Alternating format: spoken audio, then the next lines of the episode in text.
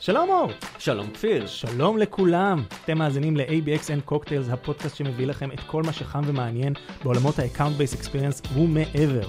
בפודקאסט נשוחח עם אנשי ונשות שיווק, מכירות, אנשי מוצר, אסטרטגיה ועוד. יחד נזקק איתם טרנדים, תובנות, מהלכים, סיפורי הצלחה וכישלון, שכולנו יכולים ללמוד מהם, שאתם יכולים ליישם מחר בבוקר. תודה מיוחדת לסמסונג נקסט, זרוע השקעות של חברת סמסונג שמארחים אותנו ומאפשרים לנו להקליט אצלם. אז יאללה, מתחילים. Hi, ABX and Cocktails. This is our first episode in English. We are very excited about it. So it's about time we got your feedback. So I'm happy to introduce Joe McNeill. I hope that I say, said it correctly from uh, CRO at uh, Influ2. And he's here to share with us a lot of interesting um, things about the industry, about where ABX is going, uh, how and who should use even Influ2 what is it from Influ2, what they see from from B2B marketeers and lots of interesting stuff. So maybe before we like deep dive into the bits and bytes, Joe, if you can introduce yourself, couple of words just for us to be more familiar. Yes, thanks for having me. Honored to be here. Honored to be your first English speaking guest or podcast guest mainly in English. Yeah, so I am currently Chief Revenue Officer at Influ2. I've been here since January of 2022. So the market has definitely changed a little bit over that time. Prior to Influ2, I was with a company from 8 million to 100 million, and we grew pretty much 100% through outbound. And prior to that, I was with a company from 40 million to 250 million, and we were pretty much 100% inbound went through an IPO. So I've seen sort of the scale from both sides of it. And it's fun to be at Influ2 now because everything has basically changed since then, and we're all changing with the market. This is great. Can you share with us more about what is Influ2, when it was established, how many employees, investments, whatever you can share? Yeah, so we're a Series A Rally Ventures backed company. We have about 100 employees. A lot are in EMEA. I would say about 70% of our, our employees are in Europe, about 30% in North America. We initially started out primarily in the ABM space, but we're moved more towards the revenue marketing space and still play in the ABM space. So we do what we call person based advertising with contact level intent. So essentially, instead of targeting accounts with very horizontal messaging at the IP level, we target named individuals with campaigns. And then we push that impression and engagement data back to the contact record to help warm contacts for sales to action on. Mm-hmm so your basic value prop is first of all you're able to target a person. So it's not that i'm saying target all the abx leaders in companies that are selling advertisement and analytic solutions above a specific size. I'm telling you chase or moshkovitz basically right? So i'm going to a specific person and you are able with your technology to present that ad to that specific person and track the engagement of all specifically with your ads. Correct. And how that plays out is it's a lot of times it's quite aligned with sales engagement sequence or cadence messaging, right? Like in your if you go into your outreach or SalesLoft instance, usually you have persona, maybe persona plus industry type messaging at the enterprise level, even more granular. So you can focus what matters to that persona, to that industry within the messaging framework. We're just bringing that to advertising. That sounds scary.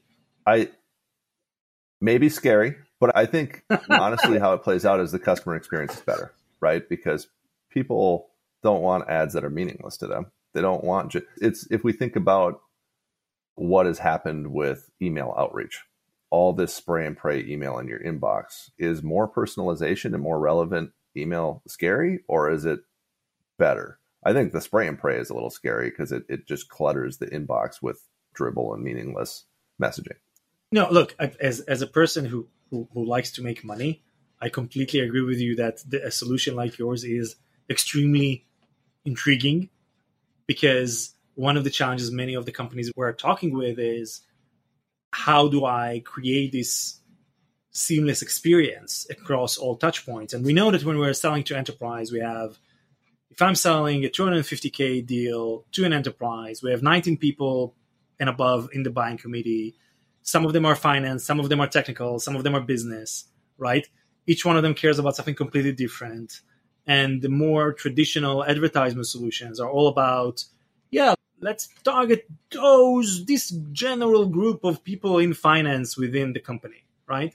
It's a bit more challenging to do it in, in the targeting level that you're talking about. But here's the thing how this all of it plays well with, with privacy and this kind of stuff. It sounds like you really know, need to know who Or is, which sites he visits, and so on and so forth. So, how do you balance between the two? And are you able to sell your solutions also to companies that are extremely privacy focused due to branding challenges, due to regulations, and, and stuff like that? So, how does that work? Yeah, so we've worked with some very large enterprises who have very diligent procurement processes related to GDPR and CCPA and everything privacy related, as well as InfoSec companies. Most of our ads are being posted on social, and the opt in and consent happens on the social platform level.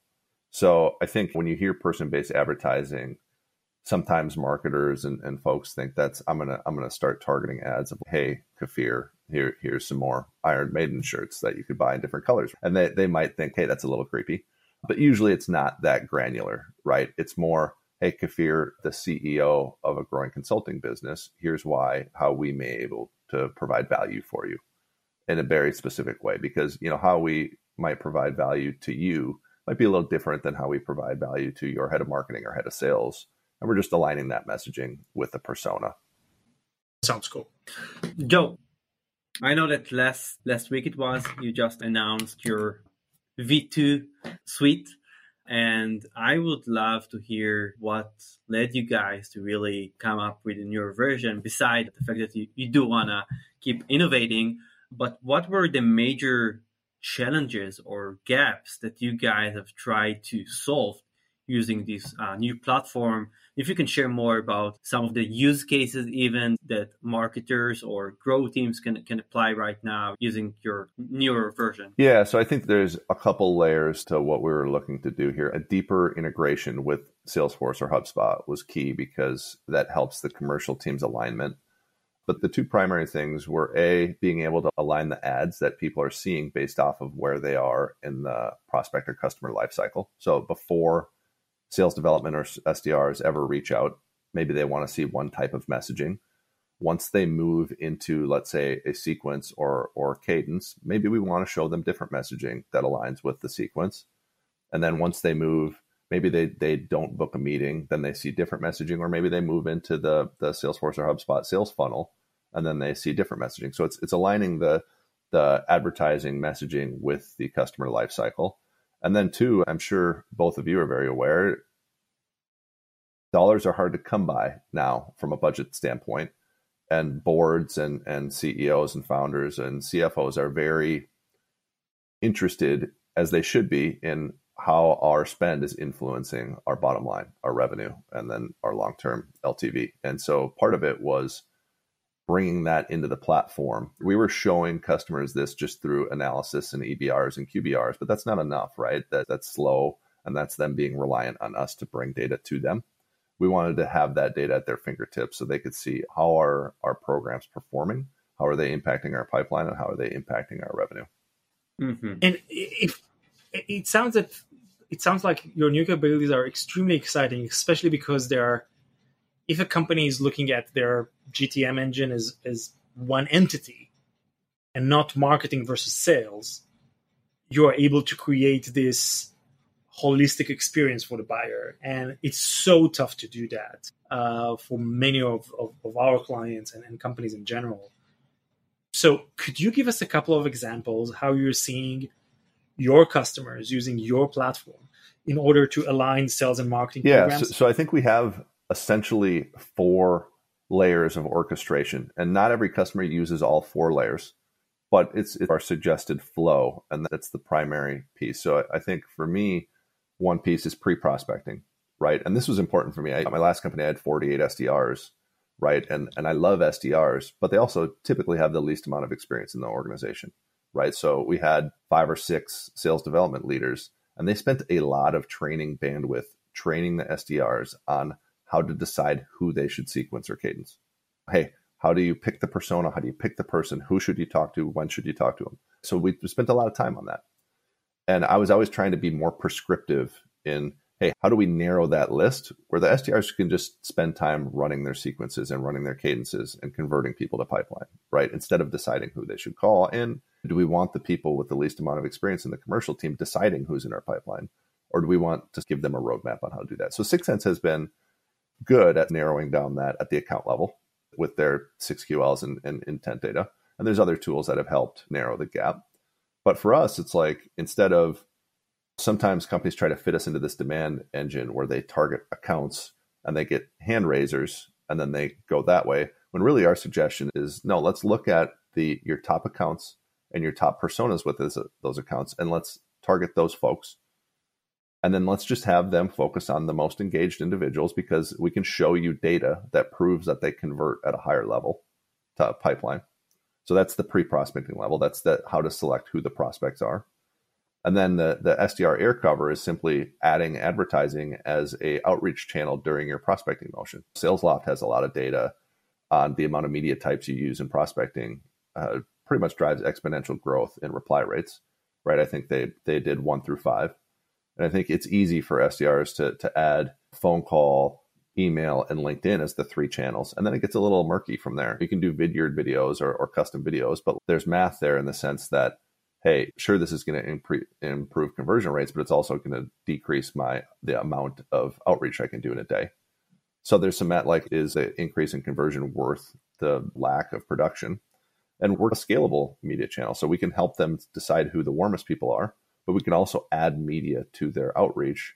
And media that's it's a little underserved right? In the sense that if you can align your social ads and display ads with your prospecting messaging not very many companies are doing that in a very uh, aligned way. And it really supports conversion rates. And, it, and we can prove that it does by showing you the conversion rates of individuals with x amount of impressions or a click versus those that we're not advertising to. So that's the air cover during. And then sales process is in a whole nother layer. It's the multi-threading is the biggest driver of velocity and conversions right now and it's a thing that sales reps are not good at. And, and part of the reason they're not good at it is because prospects make it a little hard on them at times and it's hard to know how to reach out when to reach out. And if we can target the buying group members with relevant messaging to them gartner has a lot of data on how much research happens without the sales rep during the buying process.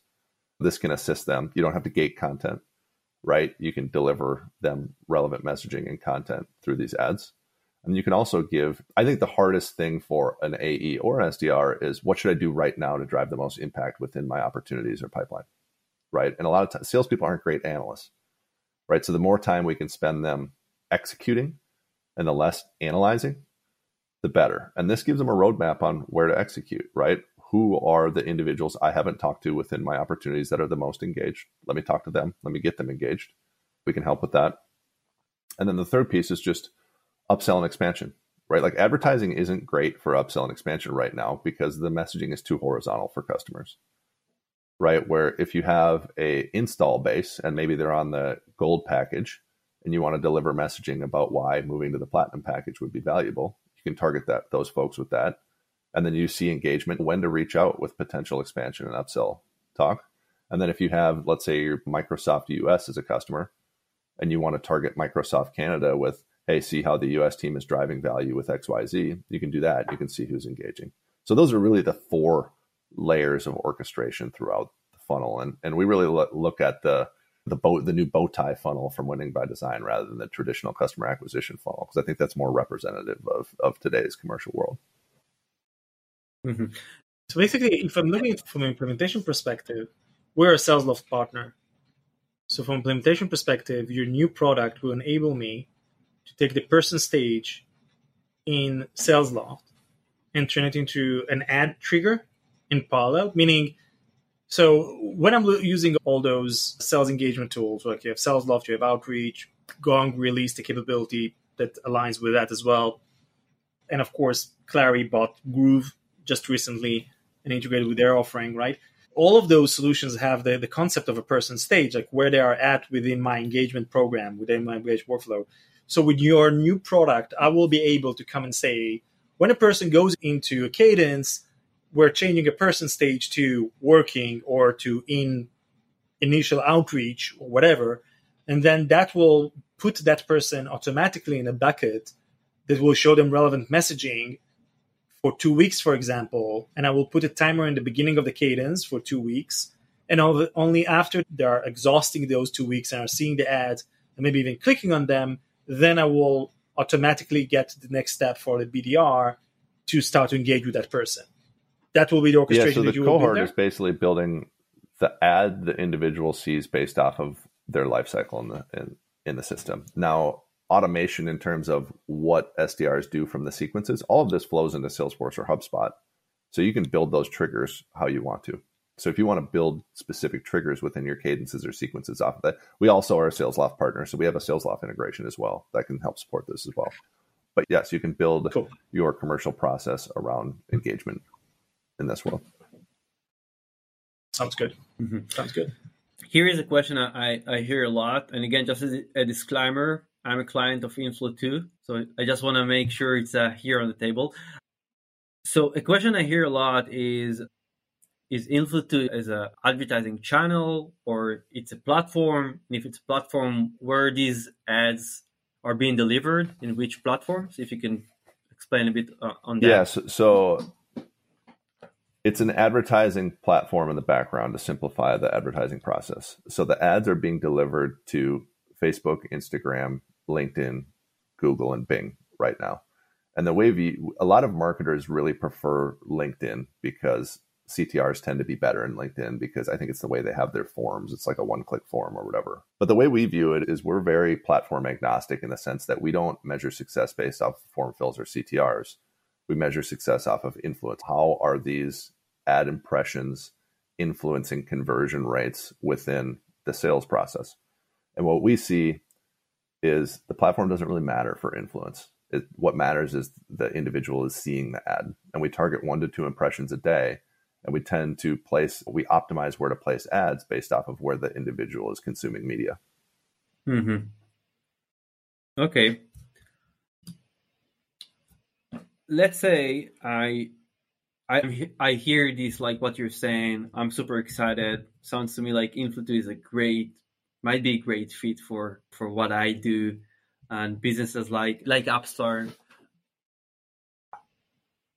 Like I, know that the, the platform itself is not like a, a super cheap, but cheap and expensive. It really depends on what you're getting what will be like a good way for me to approach and convince my CRO to actually thinking about bringing Influ2 as a new platform for B2B company in general?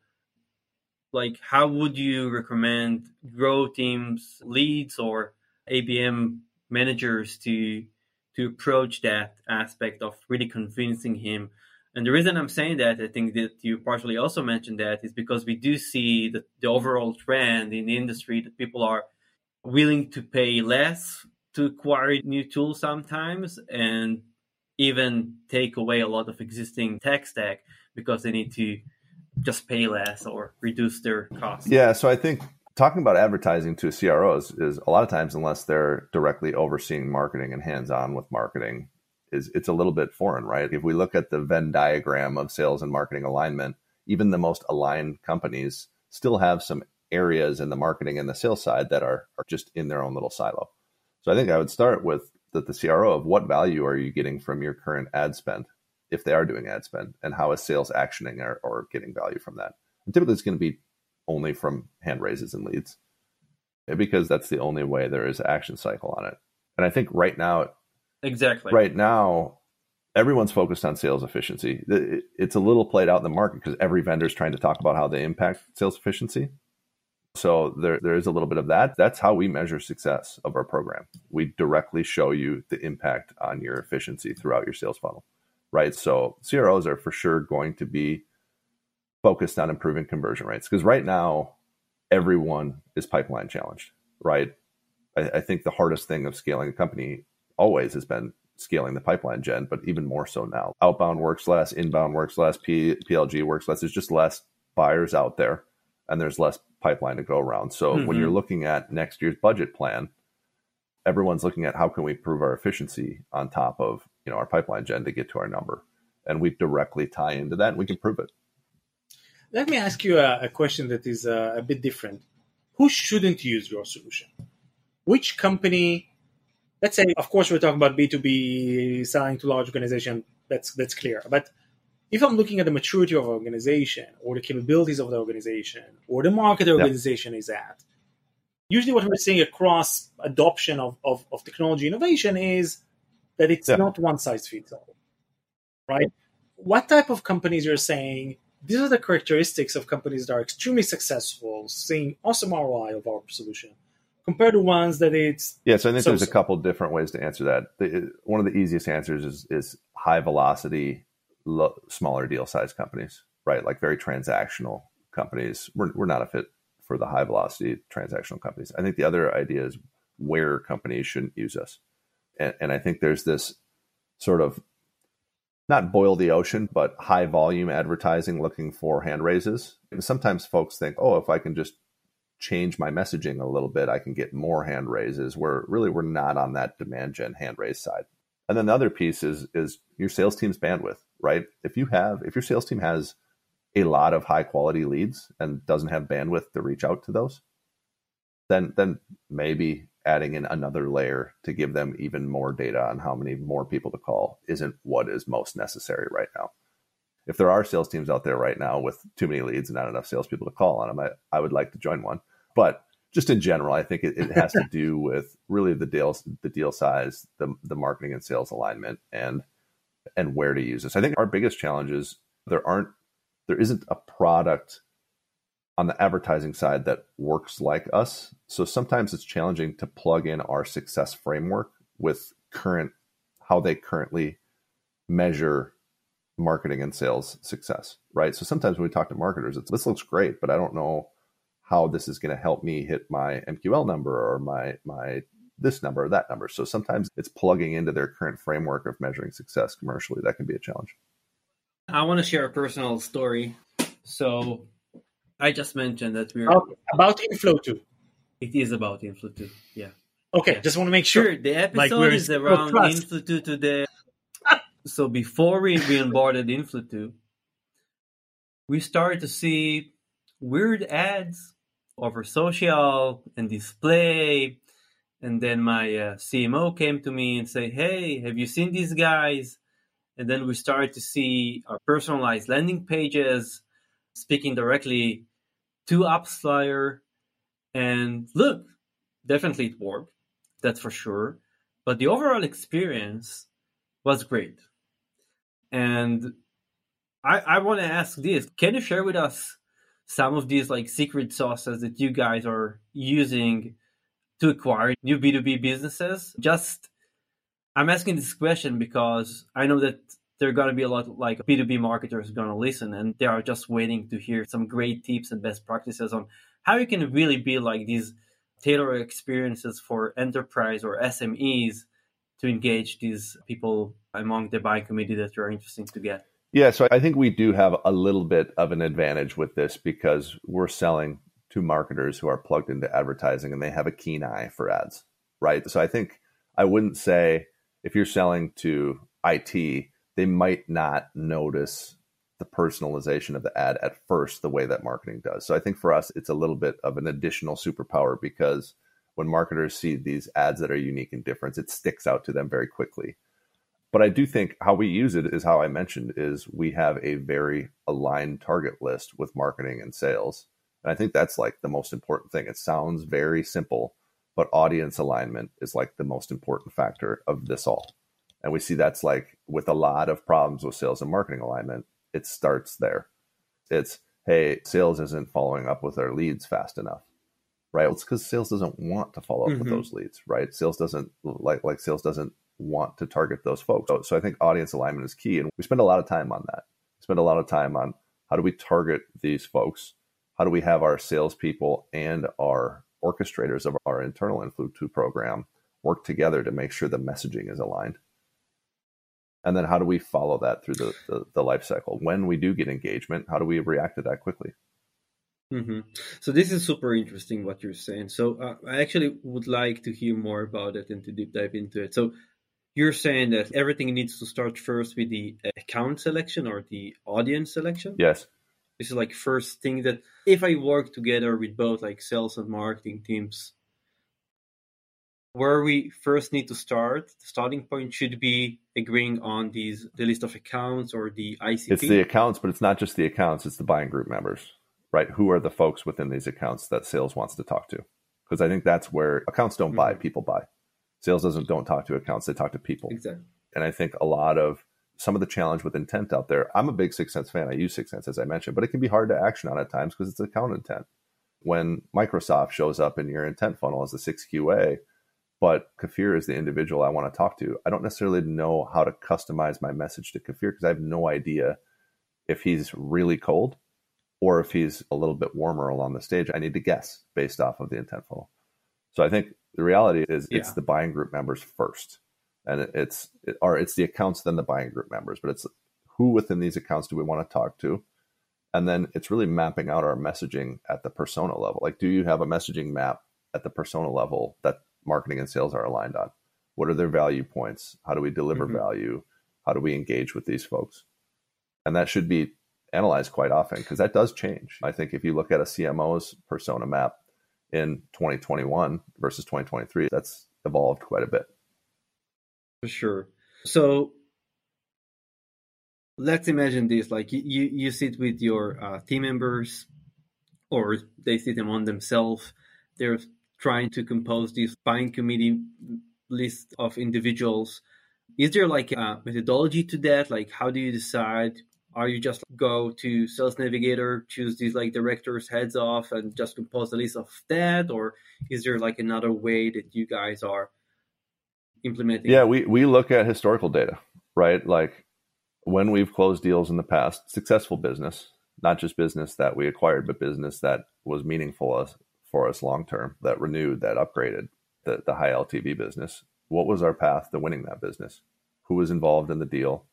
Who was involved initially? How were they involved? Really reverse engineering your success criteria for your good business like maybe getting the CMO involved in a deal is important, but it's not the entry point, right? Maybe these folks are the entry point, and then this is how you get involved, the CMO involved, at, and at what level and at what stage.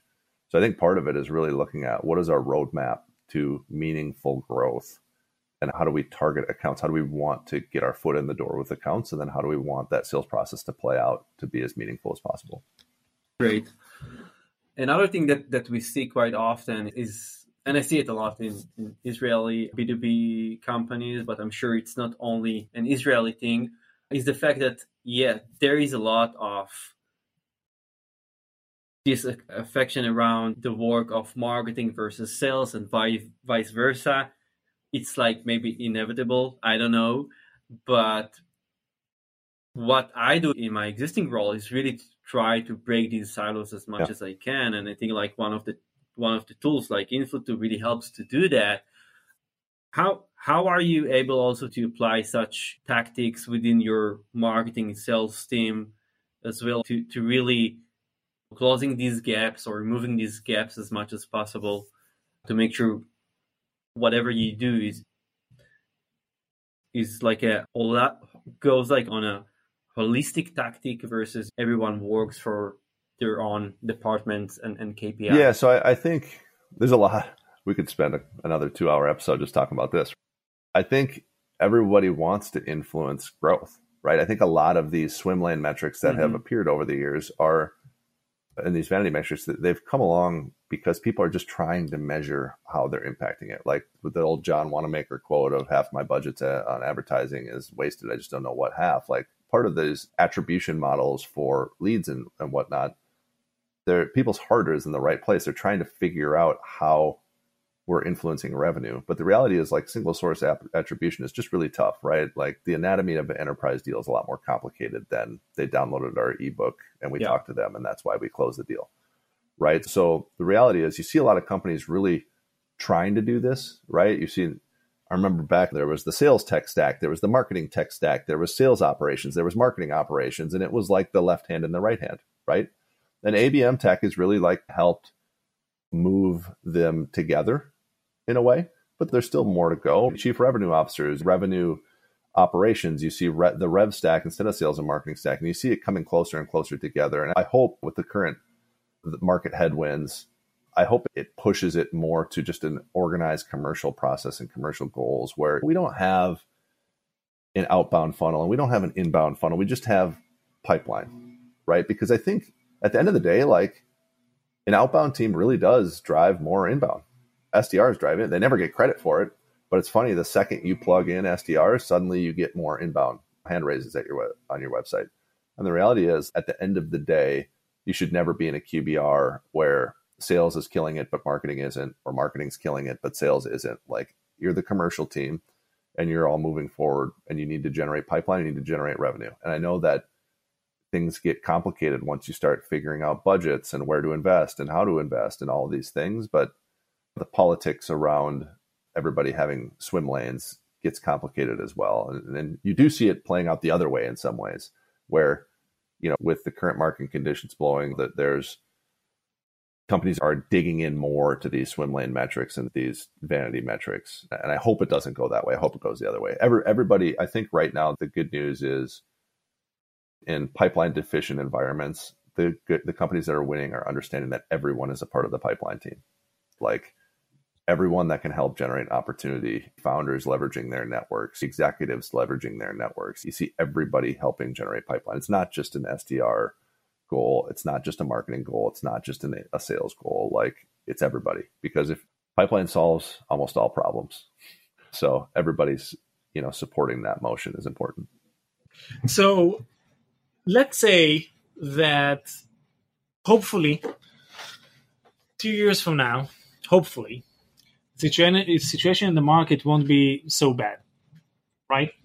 Companies will see a bit more of a chance to win, okay, and budget will be not as as challenging. On the other hand, you have the rise of AI, more of data driven decision making processes, uh, the ability to look at uh, meaningful data points in a scalable way. You've been around for, for a while in the industry and you've seen quite a lot of different businesses, and you're working for one of the most innovative advertisement platforms out there, especially with its approach towards the, the challenge of engaging with the relevant people. What do you envision?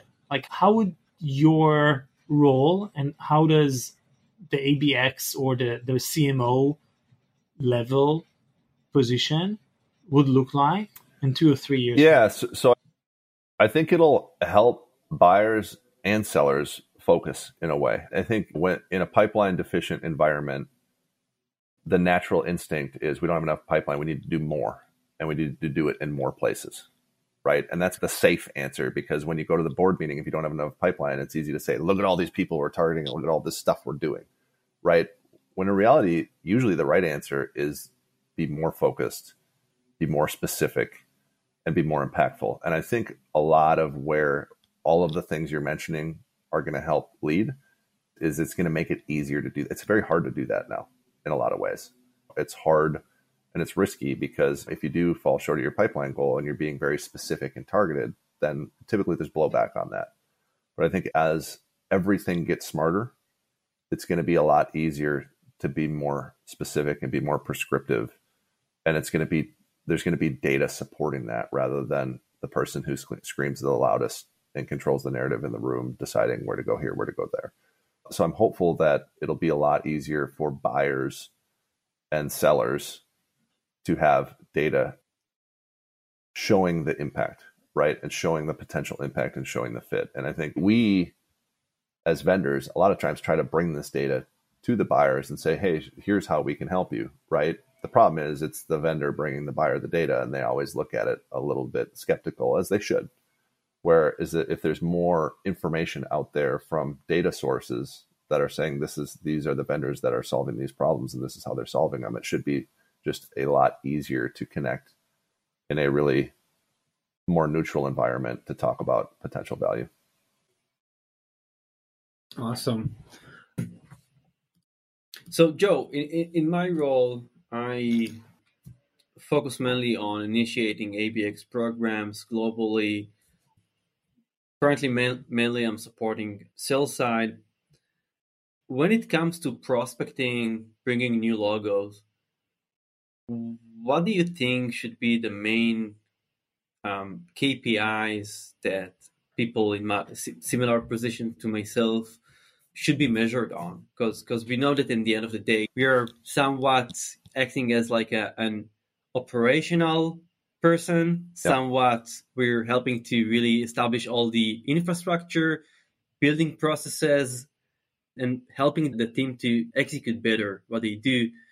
But at the end of the day it's really sometimes hard to really show impact especially when um, a lot of b2b companies are still struggling to get away or to get rid of this misleading mindset of pure attribution. Yeah.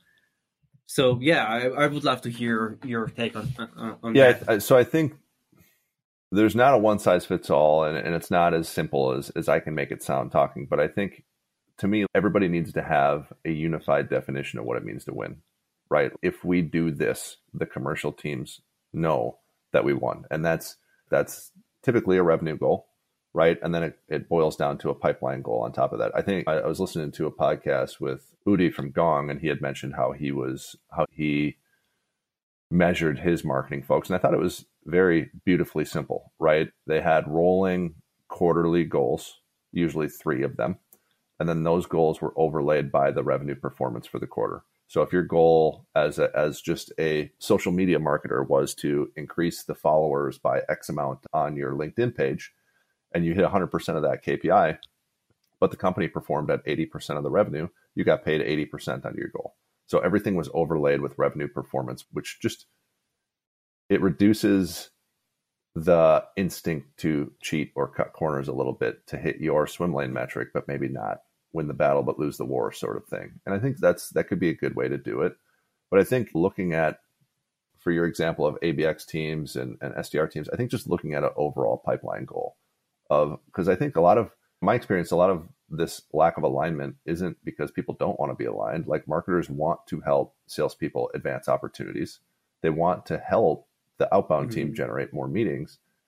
But if they're not going to get anything out of it, if they can't prove that they're helping it when they go to the, to defend their budget and defend how they're spending their time, then it puts them in a tough position.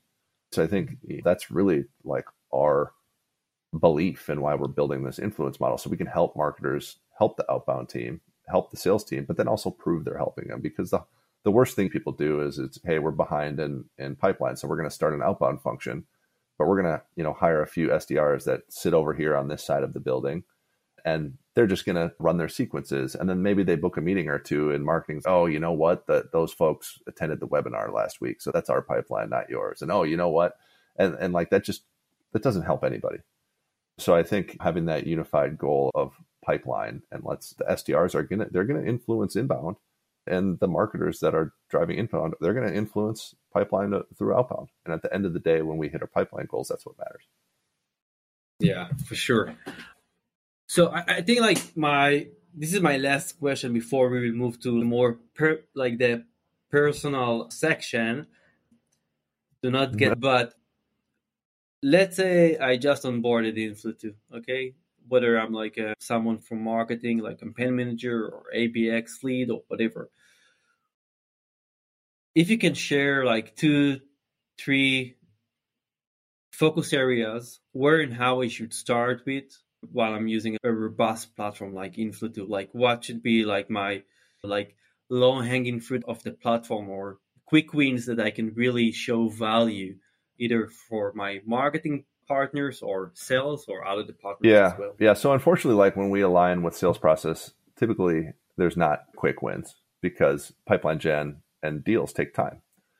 At the same point, I think the instinct sometimes is to, hey, let's look at this struggling market or struggling vertical and let's try to support it with ads. When really, we're not a magic bullet, right? If you start advertising to a market you're not successful with, it doesn't mean you're just going to be successful with them. Typically, what we see is the areas that you're doing the best with in outbound, the markets you're the strongest with, we enhance those even more, right? So if we look across our customer portfolio, the average increase in conversions at the prospecting level is two and a half X when someone has 15 impressions or more, or they have a click on an ad. So where we see it's higher than that is, hey, let's say we have, I know at my last company, we had really high conversion rates with Fortune 500 companies, right? When we got those in our pipeline, we tended to close them. It was really hard to get them in our pipeline though, right? But because it was hard to get on their radar.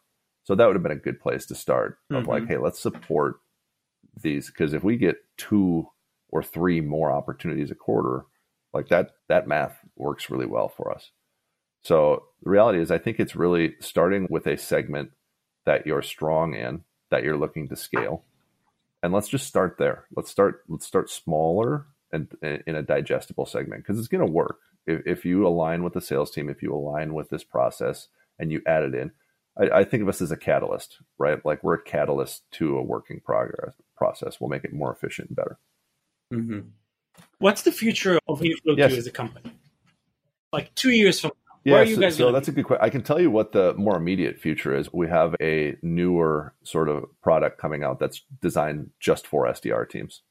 And we're beta testing it with a few accounts right now. And essentially, if you think about when Outreach and SalesLoft came out, I think a lot of accounts were thinking, or a lot of companies were thinking, like, hey, why do we need this? We already have Marketo or Pardot.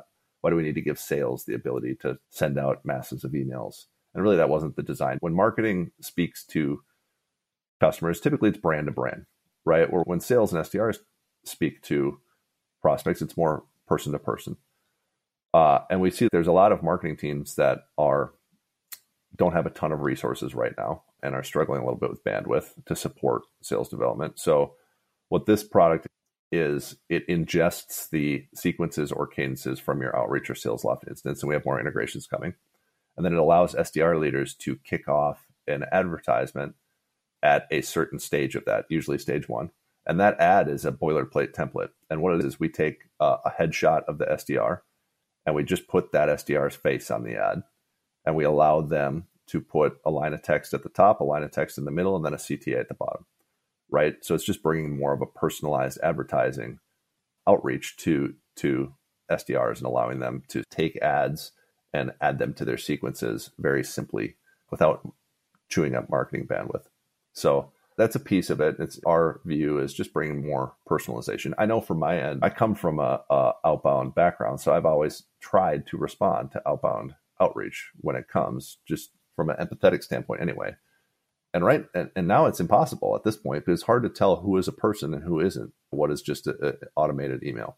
So when someone calls me, and they, I get a few voicemails, and hopefully I don't get a million calls now after this. But uh, when someone calls me, I get a voicemail, and then I see their email. I know, hey, this is a this is Kfir targeting me. I'll, I'll respond, even if even if it's the hey, thanks for reaching out. This isn't my world, whatever. But it's hard to to figure that out. And SalesLoft has the data that call volume and email email volume has never been higher, uh, and response rates have never been lower. And we just we've all seen LinkedIn blowing up about the changes to to Gmail and, and email volume and all that. So I think advertising is like an underserved channel of personalization, right? You start you start seeing someone's email uh, picture in the email, you see it on the LinkedIn message, and suddenly you see it showing up in your Facebook and Instagram feed. That's a person that's targeting you. It's not a bot. It's not mindless spam. So the goal there is to make advertising a little bit more of a sales channel and not just a marketing channel. It's not mutually exclusive to what Influ2 is doing. You can do both at the same time. It's not mutually exclusive to even ABM advertising. There's a place for that as well. It's just adding another media type to there. That's cool. Awesome. That's very cool. There we have a tradition in, in our podcast that in every that our last question is always the super important one. And we ask our we asked all the people who uh, participate in our podcast to share their favorite cocktail Hmm. with us. So you're free to share whatever favorite cocktail you prefer. So I'll make this answer complicated as I want to do. It depends on the season. I would say in the winter, it's bourbon based, old fashioned, right? Very simple. And in the summer, it's usually some sort of mezcal based Reed Rock, with a big ice cube, just one, right? And then in the summer, it's usually a mezcal based, maybe margarita or fruity mezcal drink.